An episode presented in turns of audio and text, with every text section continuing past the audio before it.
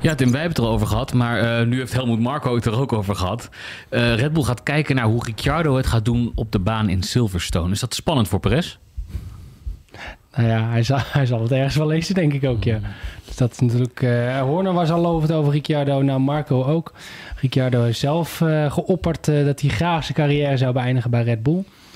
Dus ja, het begint toch wel interessant te worden. Ja, ja interessant voor Ricciardo, spannend voor Perez. Um, kijk, hij heeft, Ricciardo krijgt een kans als derde rijder... om gewoon drie dagen op Silverstone te laten zien wat hij kan. Dat is toch echt wel heel waardevol eigenlijk? Ja, maar het zou ook gek zijn van Red Bull als ze dat niet zouden doen.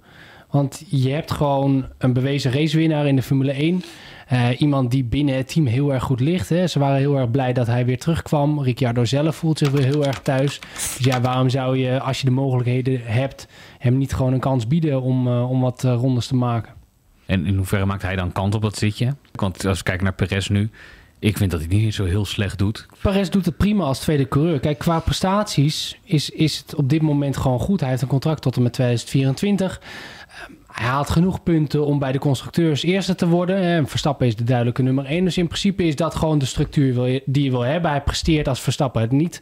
Uh, als het bij Verstappen even tegen zit. Dus wat dat betreft gaat het op dit moment gewoon heel goed. Alleen je merkt natuurlijk aan alles dat, dat Perez uh, geïrriteerd, teleurgesteld is dat hij niet echt die strijd aan kan met Verstappen. Uh, dat hij daar wat dingen over blijft lekken in de media. Dat, dat er uh, toch wel wat dat, dat hij de schuld blijft geven aan Red Bull als er dingen misgaan.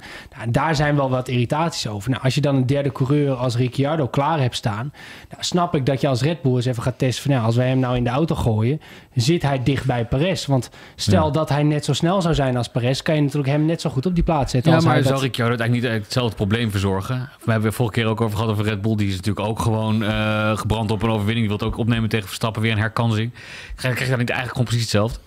Dat denk ik niet. Kijk, weet je, dat was in de beginfase toen natuurlijk wel. Hè. Daarom ging Ricciardo natuurlijk uiteindelijk weg. Omdat hij gewoon in die strijd met Verstappen merkte dat hij dat aan het verliezen was.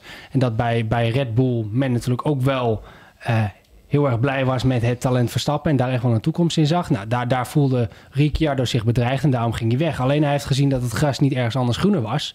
Uh, en dat hij bij Red Bull best wel in een mooie familiesetting zat, waarin hij mooie dingen kon doen. Waarin hij, hè, niet alleen het racen zelf, maar alles bij Red Bull is natuurlijk... Ja, voor, voor dat soort types natuurlijk veel leuker. Alle uitjes die ze eromheen doen, om het zo maar even te zeggen. Ja, Ja, weet je, het, het, het is natuurlijk heel, heel gaaf om daar onderdeel van te zijn. En ik denk dat hij dat wel heeft gemist. Hij voelt zich nu wel heel erg thuis. En ik denk dat hij vooral... Uh, weet je, hoe mooi is het als hij zijn carrière weer kan afsluiten bij een team waar hij wel weer races kan winnen? Want dat kan gewoon met die RB19. Hmm. Nou, en je, je ga, hij gaat ook niet Verstappen iedere race verslaan. Sterker nog, hij gaat er waarschijnlijk wel even wat vanaf zitten. Maar ook hij zal net zoals Perez wel zijn races kunnen winnen als Verstappen een paar races dat het daar even tegen zit. Dus dat hij op die manier zijn, ka- zijn carrière competitief zou kunnen afsluiten. Zou ik vanuit zijn perspectief heel, heel erg begrijpen. Red Bull gaat dominant zijn tot en met 2025 waarschijnlijk. Dus hij, hij zou daar prima zitten. Een sprookje. Ja.